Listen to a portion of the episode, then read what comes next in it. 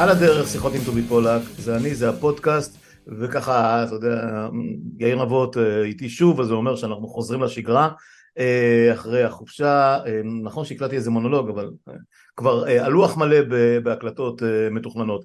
אז קודם כל, שלום יאיר, טוב לראות אותך שוב, שנה טובה, מה שלומך?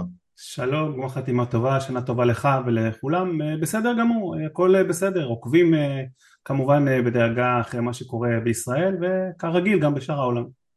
העולם כמרקחה אה, אמרנו ונגיד בפעם האלף אה, אין, אין, אין פינה שקטה נדמה לי בתקופה הזאת. אתה יודע אנחנו גולשים אה, בכל מיני, לכל מיני אירועים היסטוריים מדממים מאוד במקרה שלנו לפני חמישים שנה ו, וכמובן העולם לפני שמונים ומאה שנה וכן הלאה והלאה. אבל נדמה שהעולם היום מבעבע בכל רגע נתון איזה, איזה בועות של רתיחה עולות מכל מיני פינות שמי בכלל זכר שהן קיימות ואנחנו נפגשים אה, שוב אה, רגע בין, בין יום כיפור לסוכות לשיחת עדכון על משהו שכבר דיברנו עליו בעבר תראה מה זה, שנתיים וחצי עוד מעט הפודקאסט, אז אנחנו מספיקים גם לחזור לאירועים ש, שמתעדכנים במקביל אלינו. אה, נגורנו קרבאח, זה סיפור סכסוך ההיסטוריה הארוך, וכמו שאמרת לי בשיחה המקדימה, עם, עם, עם שורשים היסטוריים עצומים ורחוקים מאוד, וסבוכים מאוד נכון. בין אה, אזרבייג'אן לארמניה, לנגורנו קרבאח, החבל עצמו שהוא כאילו עצמאי אבל אף אחד לא מכיר בעצמאות שלו וכן הלאה והלאה והלאה אבל היה בימים האחרונים אה, הייתה פלישה אה, יש טיהור, יש מאות הרוגים, יש לא יודע כמה אלפי או עשרות אלפי פליטים, אז בוא, without a further ado, בוא תכניס אותנו לעניינים, מה קרה, למה קרה ולמה עכשיו. כן, אז קודם כל נפתח בעדכון אה, ממש אה, טרי. בעצם מה שאנחנו רואים בימים האחרונים, וכמובן גם היום, זה המשך של ההימלטות, הבריחה של אה, תושבי חבל נגרנו קרבאח הארמנים, וחשוב לומר שתמיד, לאורך כל השנים, בחבל נגרנו קרבאח, שהוא בעצם סוג של מובלעת, שטח מובלעת שהיא לא ענקית, היא לא עצומה בגודלה, היא כמעט 4,500 קילומטר רבוע, אבל היא בעצם שוכנת בתוך אה, שטחה של אה, אזרבייג'אן, שטחה ריבוני, מבחינת החוק הבינלאומי היא בעצמה נחשבת גם כשטח ריבוני של אזרבייג'אן, גם את זה צריך להגיד, ולכן זה כמובן משפיע על האופן שבו האזרים אה, רואים את הדרך שבה הם פועלים שם. בעוד שכלפי חוץ בארמניה רואים את זה סוג של, רואים בזה סוג של פלישה נגיד, אז ברחבי העולם וגם באזרבייג'אן עצמה רואים בזה סוג של צעדים פנימיים של האזרים נגד אה, אה, להשבת הסדר נקרא מה שמתרחש אה, בשטחם שלהם אבל זה כמובן המציאות היא כמו תמיד קצת יותר מורכבת אז כמו שאמרנו אה, אחרי שבשבוע שעבר אה, הצבא האזרי החל שוב במבצע שהוא כינה מבצע נגד הטרור ברחבי נגורנו קרבאח השם המכובס הזה הוא בעצם אה, שם קוד להגברה אה, של הפעילות הצבאית והשלמה של מה שהאזרים לא הספיקו לבצע במלחמת נגרונו קרבאח השנייה ב-2020, סוף 2020 ובעצם אה, מה שקורה זה שהמהלך הצבאי הזה אה, מביא לכך שהמוני אה, תושבים ארמנים של החבל המובלעת פשוט נמלטים משם בכל דרך לכיוון ארמניה. אנחנו מדברים על השעות האחרונות, ביומיים שלושה האחרונים, אנחנו מדברים על תנועה של, עכשיו זה כבר עומד על קרוב ל-35 אלף בני אדם מתוך אוכלוסייה של 120 אלף ארמנים במובלעת. זאת אומרת חישוב מהיר, מדובר פה באחוז ניכר של האוכלוסייה שפשוט אה, בורח ממנה והוא בורח ממנה אה, ואני ראיתי אה, כמובן גם אחרים, רבים אחרים ראו תיעודים של אוכלוסייה אזרחית שקודם כל נמלטת, צריך להבין האזור עצמו הוא אזור מאוד הררי, הוא אזור לא פשוט לתנועה, מספר הצירים שם מאוד מוגבל רבים מהם צירים אה, אה, של נתיב אחד, שני נתיבים בלבד, מפותלים בין הערים, ולכן יש קושי רב כמובן, ברגע שיש הצטברות כזאת, מסה כזאת של תנועה, אה, הפקק ש... שיש שם עכשיו, בימים שלושה האחרונים הוא פקק של קרוב למאה קילומטר, ואנשים העמיסו את כל מה שהם יכולים, משפחות, רכוש, ציוד, כל המיטלטלים, ממש כמו שאומרים, ובורחים בכל דרך, משאיות, ש... משאיות מטען שמובילות אה, עשרות אנשים, רכבים עמוסים לעייפה, ממש כמו בתמונות שאנחנו מכירים במקומות אחרים, וההימלטות הזאת כרגע נמשכת. יש פה קודם כל בראש ובראשונה סכנה גדולה כמובן להיווצרותו של אה, משבר הומניטרי, למעשה המשבר ההומניטרי הזה הוא אה, אפשר לומר כבר מתרחש, אה, משום שהארמנים שקולטים מנסים לקלוט את ההמונים האלה בתוך ארמניה עצמה, כמובן זה לא קל להתמודד עם כמויות כאלה של אוכלוסייה שעוברות בבת אחת במצב לא פשוט. ובמקביל יש כמובן חשש להתפרצות מחודשת של מעשי איבה בין השאר על ידי כוחות הזרים שמשתלטים או בעיניהם שלהם משחררים אה, יישובים שלמים שהיו תחת שליטה אה, ארמנית אה, של אותם תושבים בנגורנו קרבאח. ויש כבר סרטונים שמתעדים כניסה של אזרחים הזרים וצבא הזרי ליישובים שהם יישובי רפאים כרגע. ובין השאר למשל ממוטטים בהם סמלים סמלי תרבות ארמנים, פסלים, כרזות, כל מה שאתה רק רוצה וזה, אנחנו צריכים לקוות מאוד שזה לא יידרדר לשפיכות דמים שבה ישלמו אזרחים בחייהם משום שהדבר הזה כבר קרה באזור הזה ו, ופה צריך לפתוח סוגריים. גם במקרה הזה אה, דיווחת על אה, מאות הרוגים עד עכשיו, שזה רק חיילים. נכון, לא, צריך, צריך, אה, צריך לומר, ההרוגים כרגע רובם הגדול נובע בעצם מאיזשהו פיצוץ שהתרחש אתמול בבוקר מוקדם במסוף דלקים מאוד גדול אה, בתוך החבל, אה, סמוך לצירים שבהם אה, נמלטים אותם האנשים. סיבת הפיצוץ לא ידועה וגם זו שאלה טובה איך זה קרה. הפיצוץ הזה גרם ליותר מ-70 הרוגים, 300 פצועים. אם לא די באסון ההומניטרי, גם היה את הפיצוץ הזה שרק החמיר את המצב. אז תמונת המצב כרגע היא שאנחנו צופים בהמשך ההימלטות הארמנית מתוך נגורנו קרבאח חזרה לארמניה, שבמקביל כוחות האזרים הולכים ונכנסים לתוך אותם אזורים שהארמנים, האזרחים הארמנים שנמלטים מפנים אה, וזאת תמונת המצב אה, כרגע. עכשיו אה, אתה יודע אני כבר קראתי לזה באופן ברור טיהור, טיהור אתני והיו גם כאלה שהגיבו קצת בפליאה ואפילו בכעס אני רוצה להבהיר משהו טיהור אתני אין משמעו בהכרח שדברים נעשים תוך כדי מעשה טבח או אלימות ישירה נגד הנמלטים יש פה מציאות שבה אוכלוסייה גדולה מאוד פשוט אה, אה, מאולצת בכפייה לעזוב את מקום מגוריה ולהימלט. טרנספר. אה, טרנספר מודל, מודל, מודל נגורנו קרבאח. כן, אז יש, אתה יודע, אפשר להתווכח על עניין של הגדרות, כן טרנספר, לא טרנספר, אבל מה שאנחנו, מה שאנחנו יודעים, ואם אנחנו מסתמכים על הזיכרון או ניסיון העבר באזור הזה, חשוב להבין שכמו שאמרת בהתחלה, בפתיחה, כל הסכסוך הזה בנגונו קרבאח הוא הולך אה, הרבה מאוד אחורה, הוא מאוד מאוד טעון, אה, רק אה, לסיבור האוזן, נציין שבמלחמת נגורנו קרבאח הראשונה, שהחלה למעשה בשלהי תקופת ברית המועצות ב-1988 ונמשכה עד 1994, נהרגו 30 אלף בני אדם, יותר ממיליון בני אדם הפכו לפליטים.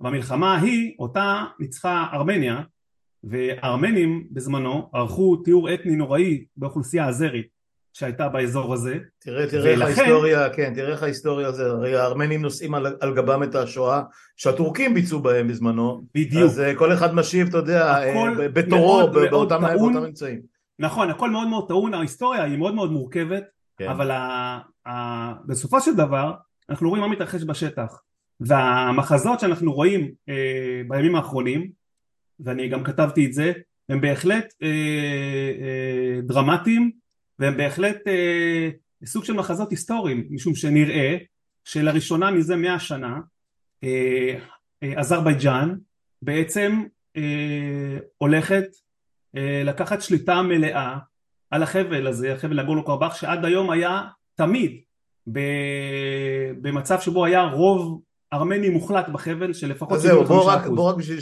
שנבין, אה, אתה אומר רוב ארמני, אה, אבל רוב זה לא הכל, אז, אז איך, איך החבל הזה מורכב מספרית ו, ו, ו, ו, וביחסים? מי יושב שם ו, ו, ולמי הוא שייך? גם, וגם הייתי רוצה כמה מילים על, ה, על ההשתייכות האתנית דתית, כי, כן. כי גם שם בטח יש מלחמת דת, אז ת, תן לי קצת רקע לעניין הזה. כן, אז, אז נגיד שהחבל הזה בעצם נגורנו קרבאח הוא אה, למעשה אה, קיבל במרכאות, אפשר לומר, אה, עצמאות בשנת, אה, בדצמבר 91, ממש כחלק מהגל הזה של אה, התפרקות ברית המועצות, מועצות, כן. שטחו כמו שאמרנו הוא כמעט 4,500 קילומטר רבוע, זה לא שטח אה, עצום, כן. אה, האוכלוסייה שלו היא, היא כוללת 130 אלף בני אדם, שרובם הגדול, רובם הגדול, וזה היה נכון ממש עד הימים האחרונים, בערך 80 אחוז, ארמנים כמובן נוצרים וזה היה ככה זה עיר, עיר בינונית בישראל אפילו, זה פשוט מדהים.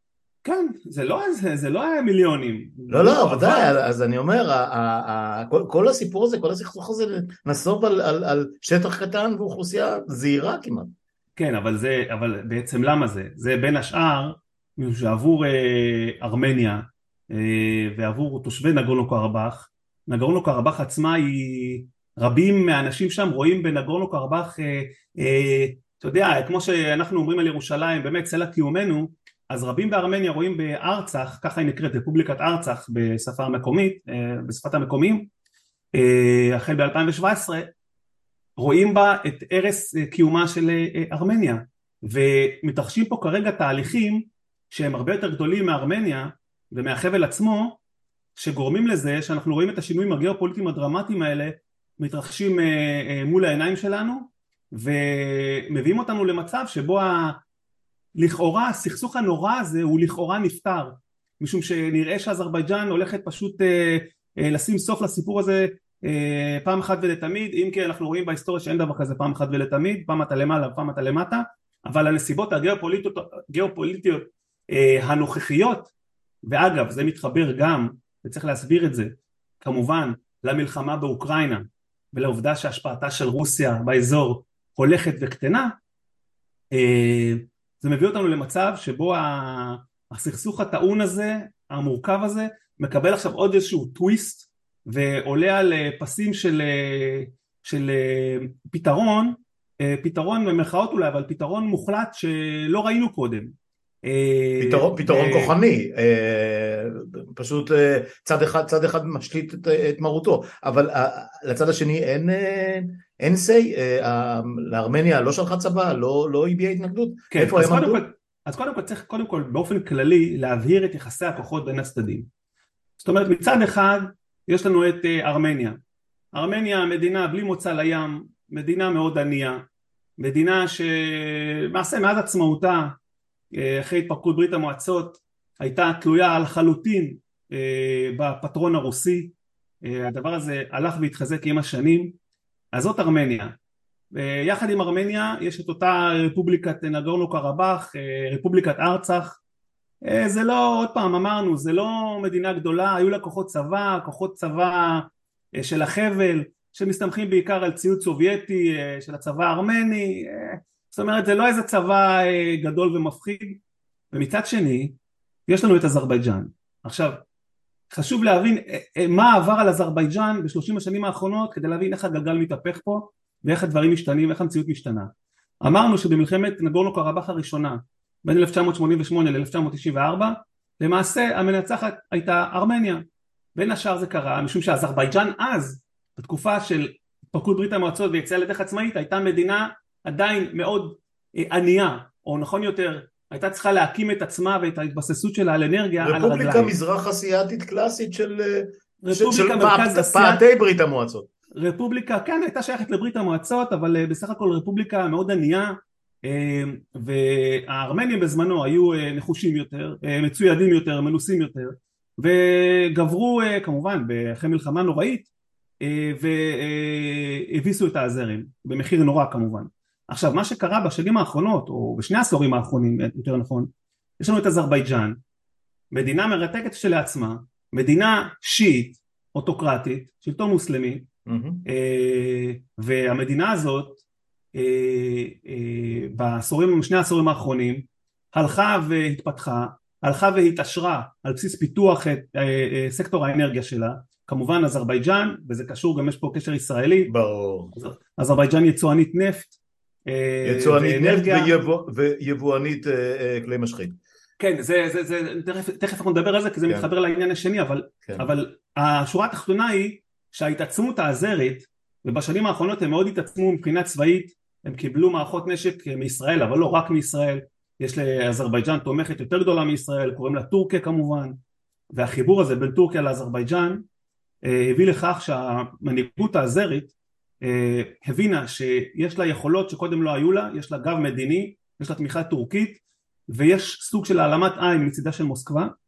ואז אנחנו ראינו את, אותו, אה, את אותה מלחמה, מלחמת נגורנו קרבאח השנייה בספטמבר, בדיוק, בדיוק, האמת, בדיוק היום לפני שלוש שנים פרצה המלחמה הזאת, בדיוק היום, ובמלחמה ההיא האזרים בפעם הראשונה יישמו טקטיקות לחימה בהסתמכות על ציוד מערבי אה, טורקי וישראלי וצריך לומר מבחינה צבאית אה, עשו שמות בכוחות אה, לא רק של נגורנו קרבאח עצמה של הרפובליקה אה, של נגורנו קרבאח אלא גם פגעו בכוחות אה, אה, צבא ארמנים לכל דבר גם תקפו בתוך שטח ארמניה הריבונית לא בנגורנו קרבאח כאמור שהוא נחשב שטח אזרי והיישום הזה של היכולות האלה ההצלחה של המלחמה הזאת במלחמה הזאת האזרים הצליחו בעצם לשחרר שוב ראייתם לשחרר שטחים שלהם אה, וגם לפי החוק הבינלאומי שטחים אה, לא קטנים מאותה, מאותו חבל נגורנו קרבאח שהיו קודם בשליטת הרפובליקה אה, ונראה שההצלחה הצבאית הזאת והתמיכה העקבית של טורקיה וביטחונית גם של ישראל איך, איך אומרים? עם האוכל בא התיאבון. מה שקרה מאז ועד היום בעצם דבר מאוד חשוב פרצה המלחמה באוקראינה. הרוסים ייתכן שבלי המלחמה באוקראינה הזרים היו מחכים עם זה או לא מעזים לעשות את זה באופן הזה העובדה שפרצה מלחמת רוסיה אוקראינה גרמה לזה שלא רק שנקרא לזה תשומת הלב הרוסית היא אה, פשוט אה, והמשאבים של רוסיה אה, ממוקדים כעת רובם הגדול באוקראינה גורם לזה שרוסיה מורידה את העיניים מהכדור בקווקז בדרום הקווקז וה, והעניין הזה כנראה דחף את הנשיא האזרי אלייב בתמיכה של ארדואן לעשות את מה שהוא עושה ולצאת לפני שבועיים באותו מבצע נגד הטרור המבצע הזה נגמר תוך יממה משום שבנגורנו קרבאח הבינו שהפעם זה הולך לכיוון מאוד ברור ופשוט הגיעו לאיזשהו הסכם הפסקת אש שהוא למעשה, למעשה, לא אומרים את זה אבל למעשה זה הסכם כניעה אה, של הארמנים והתוצאות של ההסכם הזה אה, אנחנו רואים אותו אה, מול העיניים ממש בימים האחרונים וכל העניין הזה שוב הוא תוצר של נסיבות גיאופוליטיות רחבות יותר שמשתנות מול עינינו כשבמרכזן כמו שאמרתי אה, אה, חולשה של רוסיה אבל לא רק חולשה של רוסיה אלא גם, אלא גם יחסים עכורים של רוסיה עם ארמניה. ארמניה שהייתה אולי אחת המדינות הכי נאמנות לרוסיה מאז קריסת ברית המועצות והקפידה לקיים איתה קשרים ותמיד להצטרף לכל יוזמה רוסית בשנים האחרונות בעיקר לאחר המלחמה ב-2020 ההנהגה הארמנית אה, מרגישה נבגדת על ידי רוסיה. אה, אה, העובדה שהרוסים ב-2020 סירבו לשלוח סיוע לארמניה אני לא אלאה פה את המאזינים אבל יש לחלק ממדינות ברית המועצות לשעבר בראשות רוסיה יש, הן חברות בארגון שנקרא ארגון האמנה לביטחון משותף שזה בעצם סוג של מיני נאטו מיני שאריות ברית ורשה אם אתה רוצה. משהו כזה אבל הרבה יותר בזעיר אינפי נקרא לזה. כן. ואחד הכללים של האמנה הזאת קובע שכשאחת המדינות באמנה מותקפת האחרות צריכות לבוא לעזרתה. כן. אופס מה שנקרא הסכם נאטו הקלאסי. כן, בשם, בשנת 2020 הזרים יצאו למלחמה נגד נגורנו קרבאח אבל גם תקפו את ארמניה בשטחה הריבוני כולל הפצצות והפגזות. באו הארמנים למוסקבה ואמרו אה, אח גדול תראה מה עושים לנו בוא תגן עלינו אתה, אתה מחויב להגן עלינו לפי, לפי האמנה. אתם צריכים לשלוח כוחות צבא. הרוסים התעלמו מסיבותיהם mm-hmm. שלהם ולא סייעו והארמנים אה, כמובן אה, נפגעו מאוד. הם עוד יותר נפגעו כשבינואר 2022 ונדמה לי שדיברנו על זה גם, mm-hmm. היו מהומות כזכור בקזחסטן, עוד מדינה שחברה באותו, בארגון, לאמנה, בארגון הביטחון, האמנה לביטחון משותף. והנשיא הקזחי דרש מרוסיה סיוע צבאי במסגרת אותו הסכם וראה איזה פלא מוסקבה הסכימה ושלחה כן. ששת אלפים חיילים ראה כן. את זה uh, ראה את זה ראש ממשלת ארמניה פשיניאן והבין והבין היטב יש דרג ש... ויש אנחנו יודעים כן. ש... עכשיו, יש לזה, יש, אני, אני לא רוצה לסבך את המאזינים, אבל רק נגיד לזה, יש פה עוד, איזושה, עוד איזושהי שכבה, והשכבה היא, שכבה חשובה להבנת המציאות, שראש ממשלת ארמניה, פשיניאן, עלה לשלטון ב-2018 לאחר בעצם מחאה עממית נרחבת בארמניה, זאת אומרת הוא עלה לא, בניגוד, בניגוד לרצונה ודעתה של מוסקבה, הרוסים מעולם לא אהבו אותו, והסברה היא שמה שאנחנו רואים היום והגרירת הרגליים הרוסית נובעת לא רק ממה שקורה באוקראינה והמשאבים והתשומת הלב שמופנית לשם, אלא גם כי הרוסים בעצם מעוניינים להשפיל את ראש ממשלת ארמניה פשיניאן ולגרום לזה שמחאות פנימיות למעשה בעקבות התבוסה בנגורנו קרבאח יפילו אותו מהשלטון והוא מבין את זה כמובן, הוא לא אידיוט, כן. הוא מבין את זה היטב. אז יש פה כל מיני דינמיקות, אתה יודע, ש, שפועלות ברקע. זה אזור, זה, זה, זה אזור בכלל, כל האזור ההררי הזה של הקווקז ושל מזרח אסיה. אה, אה, כמות, כמות אי היציבות בו לאורך, לאורך מאות השנים האחרונות, אה, אפשר, באמת, אפשר, הרבה מאוד ספרי היסטוריה נכתבו על זה, אבל אה, לא, לא ניכנס לשם עכשיו.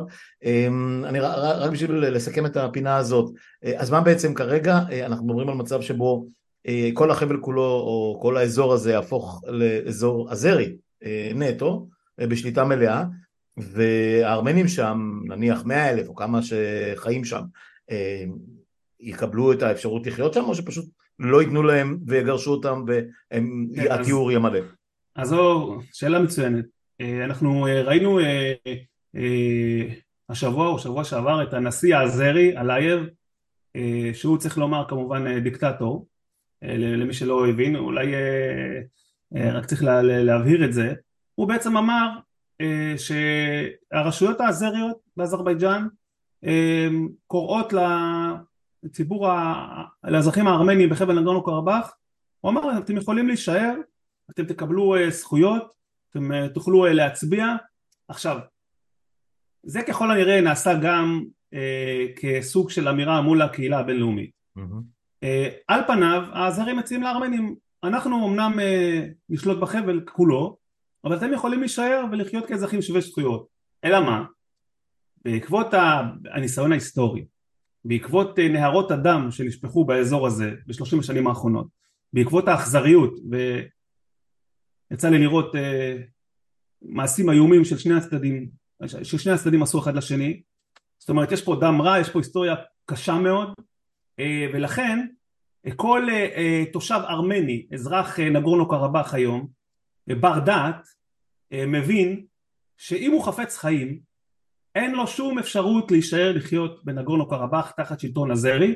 לא, לא, לא, לא מכיוון שבהכרח הוא אה, יישחט או יירצח אלא מכיוון שהניסיון ההיסטורי מלמד שהוא לא יוכל לחיות שם לאורך זמן באופן שווה והוא לא יוכל והוא גם לא רוצה לראות את אה, אה, מה שאתה רואה כארצך מולדתך בשלטון שהוא בין לך שלטון זר.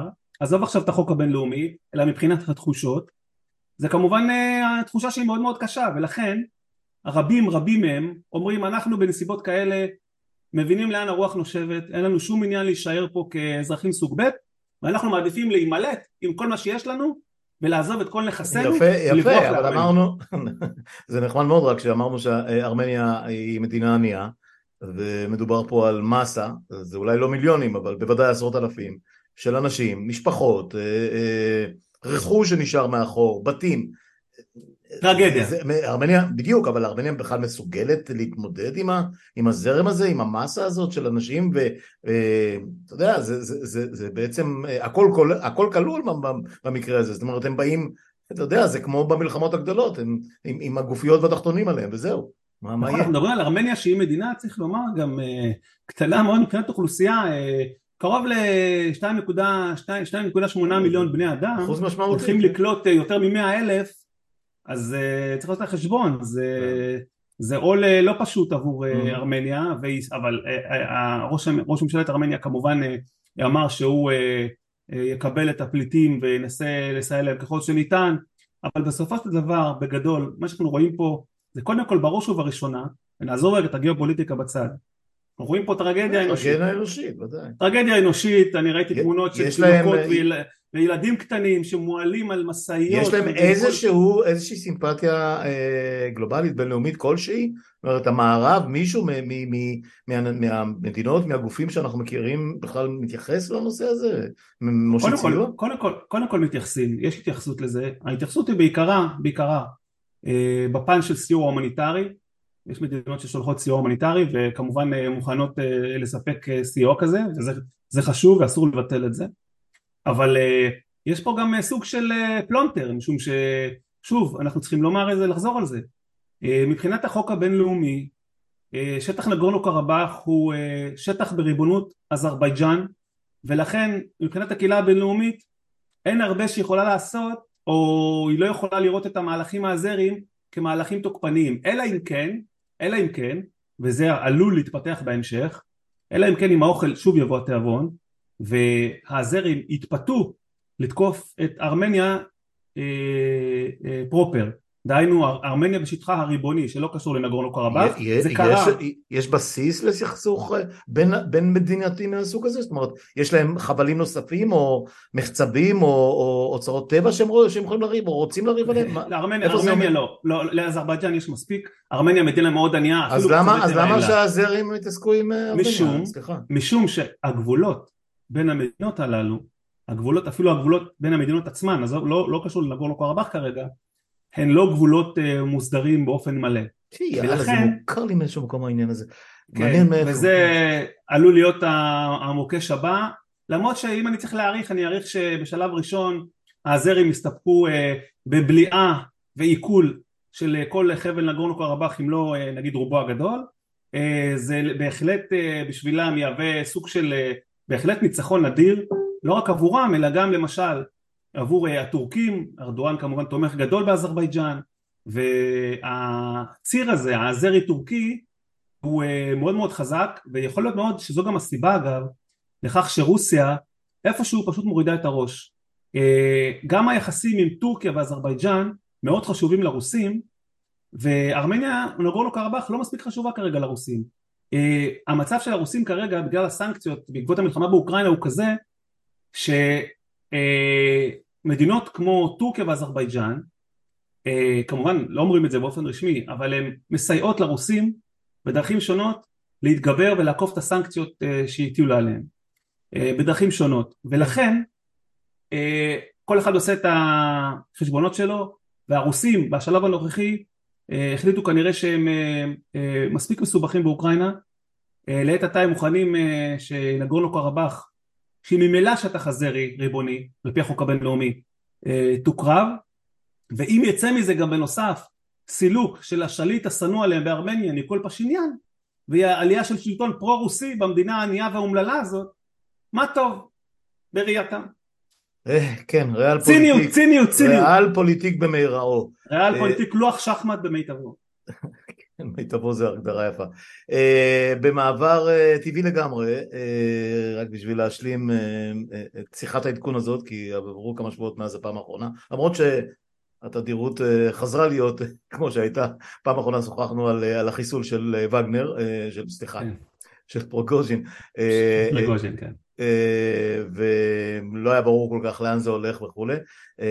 אז, אז בואו ככה בריף איפה אנחנו עומדים במלחמה? אנחנו כבר סוף ספטמבר וכל פעם כל המעגל הזה שהוא כבר יהיה בפעם השלישית עוד מעט של חורף קיץ קיץ חורף אנחנו לפני חורף חדש שזה תמיד מין סיפור כזה של אוקיי עכשיו יהיה קיפאון ומחכים שיקפא ובבוץ זה לא טוב ובשלג זה יותר טוב ובקרח כן.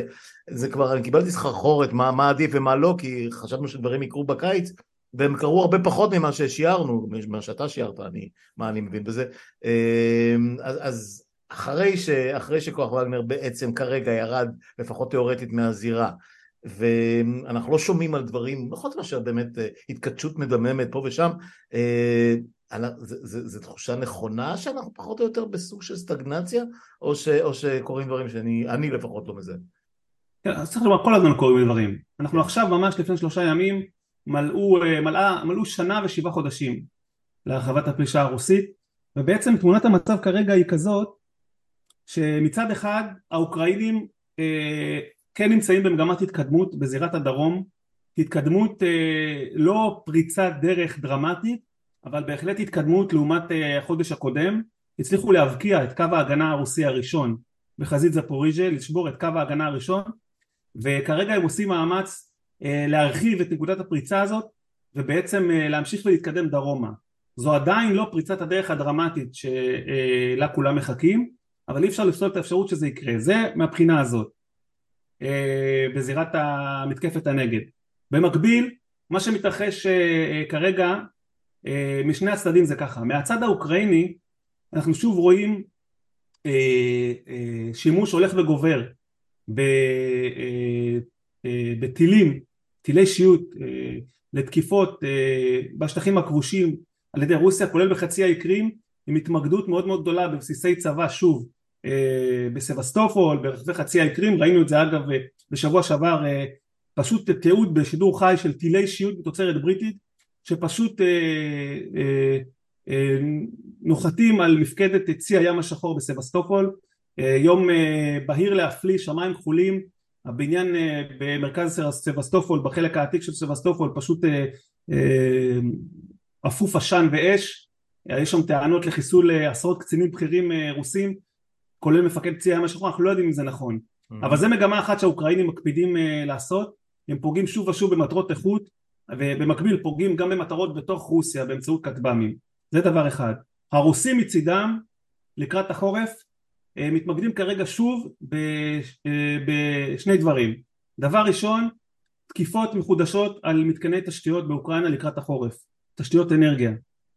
זה שוב מתחיל וזה לא פלא משום שאנחנו כמובן כרגע בסתיו מתקרבים לחורף זה ילך ויגבר ככל שאנחנו נתקרב לחורף ובמקביל הרוסים מקפידים באופן עקבי לתקוף את הנמלים ואת תשתיות היבוא התבואה של האוקראינים באזור אודסה ובשפך הדנובה כולל אותו אזור בשפך הפנימי לא רחוק מגבול רומניה נמל איזמעיל וזה מגמה שהולכת וגוברת בתקופה האחרונה ככה שדברים קורים כל הזמן אנחנו שומעים שהאוקראינים מקבלים עוד ציוד מערבי נדמה לי שטנק האברמס האמריקאי הראשון הגיע לאוקראינה אבל הדברים האלה עד שהם ישפיעו באופן מהותי בשדה הקרב מה עם ה-F-16? הגיעו? F-16 לא הגיע הטייסים האוקראינים מתאמנים בין השאר פה מאחורי הבית שלי פה בהולנד מה אתה אומר? אוקיי אז מעניין לך. אתה לא שומע? תיזהר, תיזהר, אתה יודע, קורים דברים לפעמים. אבל ה-F-16 לא יגיע לזירה לפני האביב, וגם צריך לקחת בחשבון, מי שבונה על איזה פתרון קסם עם כמה מטוסי F-16 הוא חי בסרט. גם טנקי האברמס, המלחמה הזאת מורכבת מדי ומסובכת מדי, אבל מה שכן, האמריקאים מוכנים סוף סוף לספק לאוקראינים טילי קרקע קרקע לטווח ארוך יותר, מה שמאוד מאוד יעזור לאוקראינים שוב לתקוף את, להגביר את נקרא לזה רדיוס התקיפות נגד, נגד התשתית הלוגיסטית של הרוסים, צירי האספקה, זה מלחמה, זה נשימה ארוכה, זה מרתון, שום דבר פה לא יהיה, אנחנו רואים שהמלחמה הזו מתארכת, זה סוג של, הופך להיות סוג של באמת מלחמת התשה, שכל צד מחייב משאבים אדירים למלחמה הזאת, הרוסים, אני ראיתי את התקשורת הרוסית הדיווחים הפרטים על תקציב ההגנה, תקציב הביטחון הרוסי לשנת 2024 והיקף התקציבים,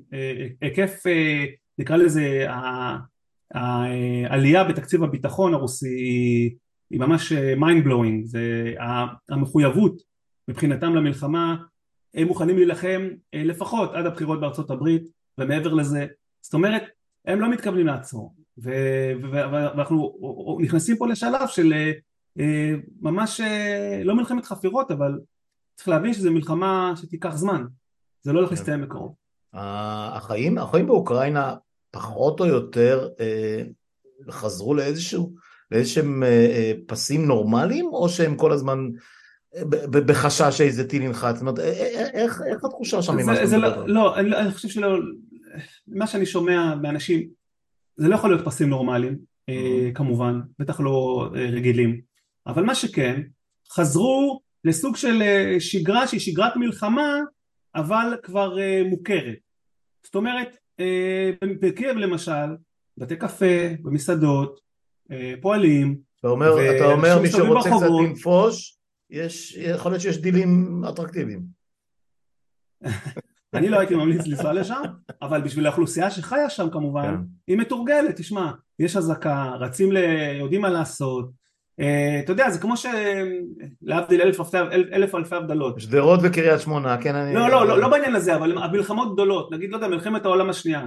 החיים בלונדון נמשכו, עד שיש אזעקות, ואנשים אה, נמלטים למקלט. אה, כן, זה תלוי גם באיזה. תקופות, היו, אה, ups and downs אה, לאורך כמובן. כל כך הרבה שנים. כל מלחמה, נכון. כן. אבל אה, ברור שכל רגע נתון, וזה קורה, אה, יכולים, אה, יכול להתרסק על, לא אה, אה, כתבה מתוצרת איראנית, או טיל שיוט, ראינו אה, סרטונים של זה ב... כן. אה, בשבועות האחרונים, אגב, ופה אני גם אה, אה, אה, אנצל את הבמה של הפודקאסט כדי אה, לציין משהו שאני כתבתי עליו, היה בתחילת ספטמבר, הייתה נפילה של טיל אה, על אה, שוק הומה במזרח אוקראינה, יש שם 15-16 הרוגים, והאוקראינים כמובן באופן טבעי מיהרו להשלים את הרוסים, אבל אה, תחקיר אה, מאוד אה, מעמיק ורציני של הניו יורק טיימס חשף בעצם שהטיל הזה היה בכלל טיל אוקראיני, אה, טיל אה, אה, נ"מ אוקראיני ששוגר מאזור לא רחוק, כנראה ומאיזושהי תקלה טכנית או סיבה אחרת, הוא זה שבעצם אה, גרם לאסון הנורא הזה, אני חושב שזה כמובן נורא וזה טרגי, אבל אני חושב שאנחנו, אנחנו בתור תקשורת אני רוצה לומר, יש לנו אה, את החובה אה, שאם דבר כזה מתברר כמהימן, אה, כמובן אה, לפרסם גם את זה. אין בכלל ספק, אה, אני יכול להחזיר אותך, להחזיר אותך להיסטוריה הפרטית שלנו, גם לפני 50 למה? שנה במלחמה, וגם, וגם אה, בלבנון, וגם ב... אה, היו, אה, כן, הרבה היה מאוד, דוץ הרבה מאוד, והיה דוצים. שלנו. כן, כן. אה, הפטריוטים ב-91, 90 סליחה, בינואר 90, אה, ש- שעשו יותר נזק מה, מאשר הסקאדים אה, של סדאם, אה, זה דברים שקורים, זה דברים שקורים במלחמות, אנחנו יודעים, אה, כמובן שצריך לחשוף את זה, אין מה להסתיר פה, זה, אין, אין שאלה בכלל. אה, כן. ואתה יודע מה, רק בשביל באמת לסגור את כל הקצוות, אה, לקראת החורף שעבר, מה שזוכר את זה כאילו שדיברנו רק לפני, רק, רק לפני שנה, אה, תכלס, אה, היה דיבור גדול מאוד על זה שאירופה הולכת לאכול אותה ביג טיים בגלל, ה, בגלל הסיפור של האנרגיה, בגלל האמברגו ה- ההדדי או הנגדי של, כן. של רוסיה אה, באספקת הגז, גם עצרו את, ה, את צינור הגז וה, ו, וכל אספקת הגז הטבעי והנפט לאירופה, כל, כל האנרגיה אה, חטפה מכה מאוד מאוד קשה ושמענו סיפורים על הקצוות, הקצוות של אה, אה, מקורות אנרגיה לחימום ולתעשייה ולאלף ואחד דברים. אה, מה מצבנו, מה מצבכם, מה מצבה של אירופה המערבית לקראת החורף הקרוב? כן, אז קודם כל החדשות הטובות בדיעבד הן שלמרות הפחדים והחששות, באופן כללי האירופאים צלחו את החורף, הייתי אומר אפילו די בקלות. אה, חלק מהמדינות, חלק ממדינות אירופה פשוט נערכו מראש, גרמניה צריך לומר אה, נערכה אה, בגרמניה באופן היו ממש אה, הוראות אה, להפחית בשימוש נכון, בתאורה נכון. וכל מיני סיפורים. נכון, היה גם הרבה מזל, החורף הקודם לא היה חורף מאוד מאוד כן, קר, חורף קל עכשיו- יחסית. נכון, ולכן צריך, צריך אה, אה, לנתח כל, אה, כל חורף לגופו, ואני חושב שבעיקרון עכשיו האירופאים, מכיוון שכבר עברנו חורף אחד, הם יודעים איך להיערך, אני לא חושב שאנחנו עומדים לפני איזושהי קטסטרופה אה, מהבחינה הזאת, אה, עוד פעם זה תלוי גם כמה קר החורף יהיה, אה, זה משפיע כמובן הסוגיה של אספקת אנרגיה למשל לתעשייה, למשל בגרמניה, התעשייה הגרמנית אוכלת המון המון אנרגיה, צורכת, ולכן זה תלוי כמה קר יהיה, אם יהיה מאוד מאוד קר ואנשים יצרכו יותר, יותר אנרגיה, אז יכול להיות שיהיה לזה השלכות, אבל ממה שאני רואה ומבין, אני לא חושב שזה כרגע סיפור גדול, אני כן אה, רואה שעוד פעם אה, בשירות רוסיה יש פה שוב זינוק במחירי הדלק ומחירי הסולר, בין השאר כי רוסיה גם אה, היא לא קופאת על השמרים אלא נוקטת מהלכים משלה, למשל הרוסים, פוטין חתם על צו על איסור לייצא סולר למדינות אחרות, רוסיה היא אחת מיצרניות הסולר הכי גדולות והאיסור הזה גרם למחירים לעוף למעלה כן, אבל מצד שני הם התחייבו ל- למשל להודו אה, לס- לס- לספק אנרגיה במחירים מופחתים, אז זה קצת נכון. אה, עושה להם בעיות בקטע הזה. לכן הם. מפצים על זה בעזרת הכנסות ממקורות אחרים כן, אה, כן. רמת הציניות, רמת הציניות הבינלאומית בתחום הזה היא באמת off the charts. אתה יודע, שוב, זה ריאל פוליטיק. ככה כן. אנחנו מכירים את זה היטב. אה, ורק נגיד, לא, לא הזכרנו את זה קודם, הזכרנו את זה בדרך אגב, שאנחנו, אתה יודע, דיברו על, על כל, כל מה שקרה פה בשנה האחרונה, והבריחה של ההון, וה... נדבר על ישראל כמובן, אה, וההשקעות בהייטק שפחתו ב-80%, ב-90%, מה שזה לא יהיה, אבל במה התהדרו, מה מתהדר סמוטריץ'? בהזמנות חסרות תקדים לתעשייה הצבאית והאווירית וכולי וכולי. אז אה, אתה יודע, בכל, אה, בכל משבר תמיד יש מרוויחים. וה...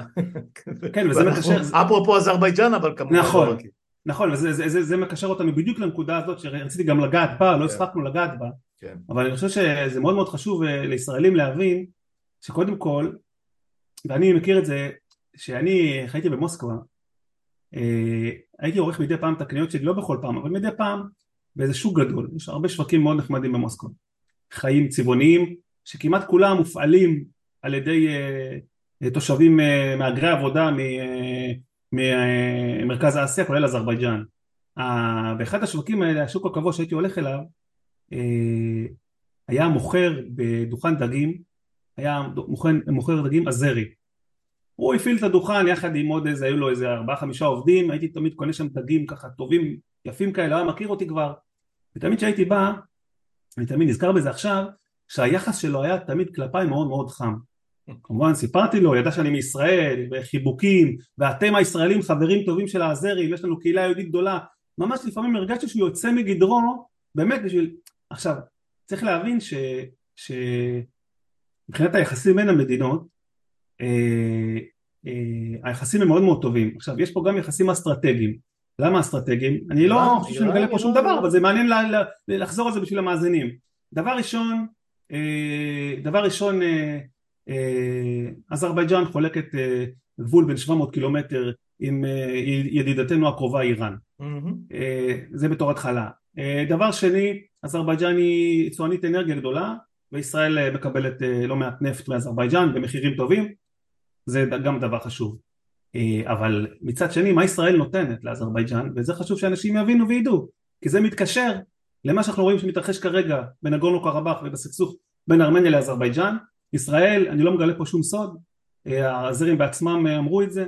ישראל מספקת לאזרבייג'אן אה, כבר כמה וכמה שנים מערכות נשק גדולות כקטנות איכותיות מאוד מתקדמות אם זה מל"טים אם זה רובי סער אם זה טילי קרקע קרקע והאזרים אה, מקבלים את הציוד הזה, אנחנו יודעים ש... אה, עם מאות אבל עשרות אה, טיסות, קרוב למאה טיסות יצאו בשנים האחרונות מבסיס העובדה בדרום דרך קבע כמעט, לעיתים מאוד תכופות לאזרבייג'אן, לבקו ויש פה יחסים מאוד מעניינים, מצד אחד אזרבייג'אן מדינה שיעית מוסלמית והיא אחת הידידות הקרובות של ישראל, כמעט בעלת ברית אסטרטגית אפילו, כן? אה, היא רוכשת מישראל אה, מערכות נשק במיליארדי דולרים, מה שכמובן מעשיר את קופתן של התעשיות הביטחוניות בישראל. אפשר להסתכל על זה ככה, אפשר להסתכל על זה אחרת, אבל מבחינת ישראל זה, זה עוד מרכיב מאוד מאוד חשוב.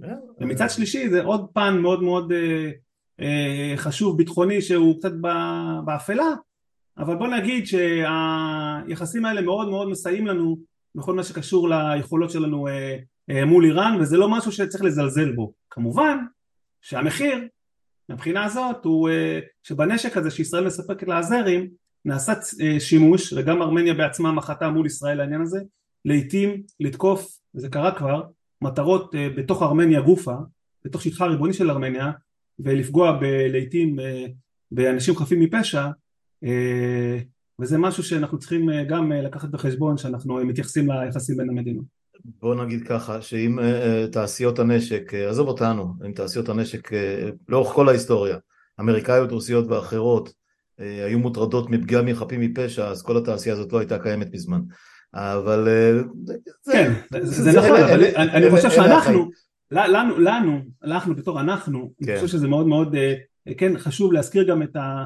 אה, את הפן, ה, נקרא לזה ערכי מוסרי פה, אה, אתה יודע אנחנו רואים את מה שקורה עכשיו עם ההימלטות אה, ההמונית הזאת, אני, אני, אני אתן עוד דוגמה, אני כשביקרתי ביקרתי בירוון, אה, 2017, 2016, וגם זה מרתק.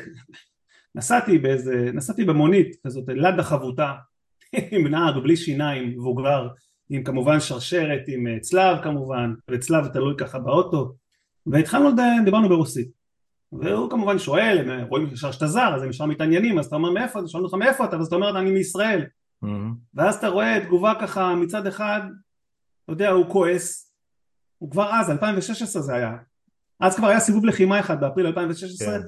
ואני הייתי שם ב, ב, לקראת סוף השנה, והוא כעס, הוא אמר איך אתם הישראלים, איך אתם העם היהודי, איך אתם מספקים נשק לעזרים. איך אתם, איך אתם לא מגנים את השואה הארמנית? איך, איך, איך אתם לא מכירים בשואה הארמנית? כן. איך אתם לא מכירים בשואה הארמנית? אתה יודע, נכון. וזה משיחה עם נהג מונית. זאת אומרת, גם הארמנים יש להם זעם אה, מאוד אה, גדול על ישראל, אבל אה, המציאות היא כזאת שלמרבה הצער הם, הם, הם די דפוקים וחלקאים. הם, כן, כן, אומרת, אנחנו תמיד, לא רק אנחנו, תמיד מי שיכול לבחור, יבחר את הצד החזק יותר והעשיר יותר בשביל להיות איתו בקשרים ופחות. אבל לא רק זה, אני יכול להגיד לך שהמסכנים יישארו בצד. אני יכול להגיד לך שרוסיה עצמה, בעצם בעשורים האחרונים, בעשרים השנים האחרונות, איך אומרים, היא היה, הייתה הגורם שלכאורה הוא הגורם המתווך, אבל בנוסף, במקביל, הרוסים שנים סיפקו נשק לשני הצדדים, גם לארמנים, גם לאזרים, אתה יודע, זה... לא צריך ללכת רחוק, זה מה שקורה, זה מה שקורה בכל הסכסוכים באפריקה אה, ובדרום אמריקה, אה, מי, ש, מי שרוצה לקנות נשק, אתה יודע שפעם זה היה עוזים ואחר כך זה היה גלילונים ואנחנו מדברים כבר על M16, M16 שאתה רואה, שאתה רואה אה, את החמאס מסתובב איתם, לא חשוב שהם גנבו את זה מאיתנו, אבל, או, או העבירו את זה מירדן או כן. ממצרים, אבל אתה יודע, זה, בסופו של דבר... היום נשק... קונים גם פגסוס, אתה יודע. כן, כמו, כמו הדולרים, לנשק אין צבע ואין ריח. זה... כן, כן, זה בקיצור, אבל זה, זה, זה גם, זה הכל מאוד, אה, זה הכל מאוד מורכב. כן, זה... בסדר גמור. אה, קיבלנו תמונה, אה, אני, אתה יודע, לא אתיימר לה, להגיד שהבנתי הכל, אבל קצת, קצת עשית לי סדר ב... ב בפן הנוכחי, בשלב הנוכחי בכל העסק הזה, נדמה שלפחות אה, לעתיד הנראה לעין, אה, הפור נפל ונגורנו קרבאח יהיה איזשהו זיכרון עמום, אה, בעיקר טרגי, של, של, של, של אנשים.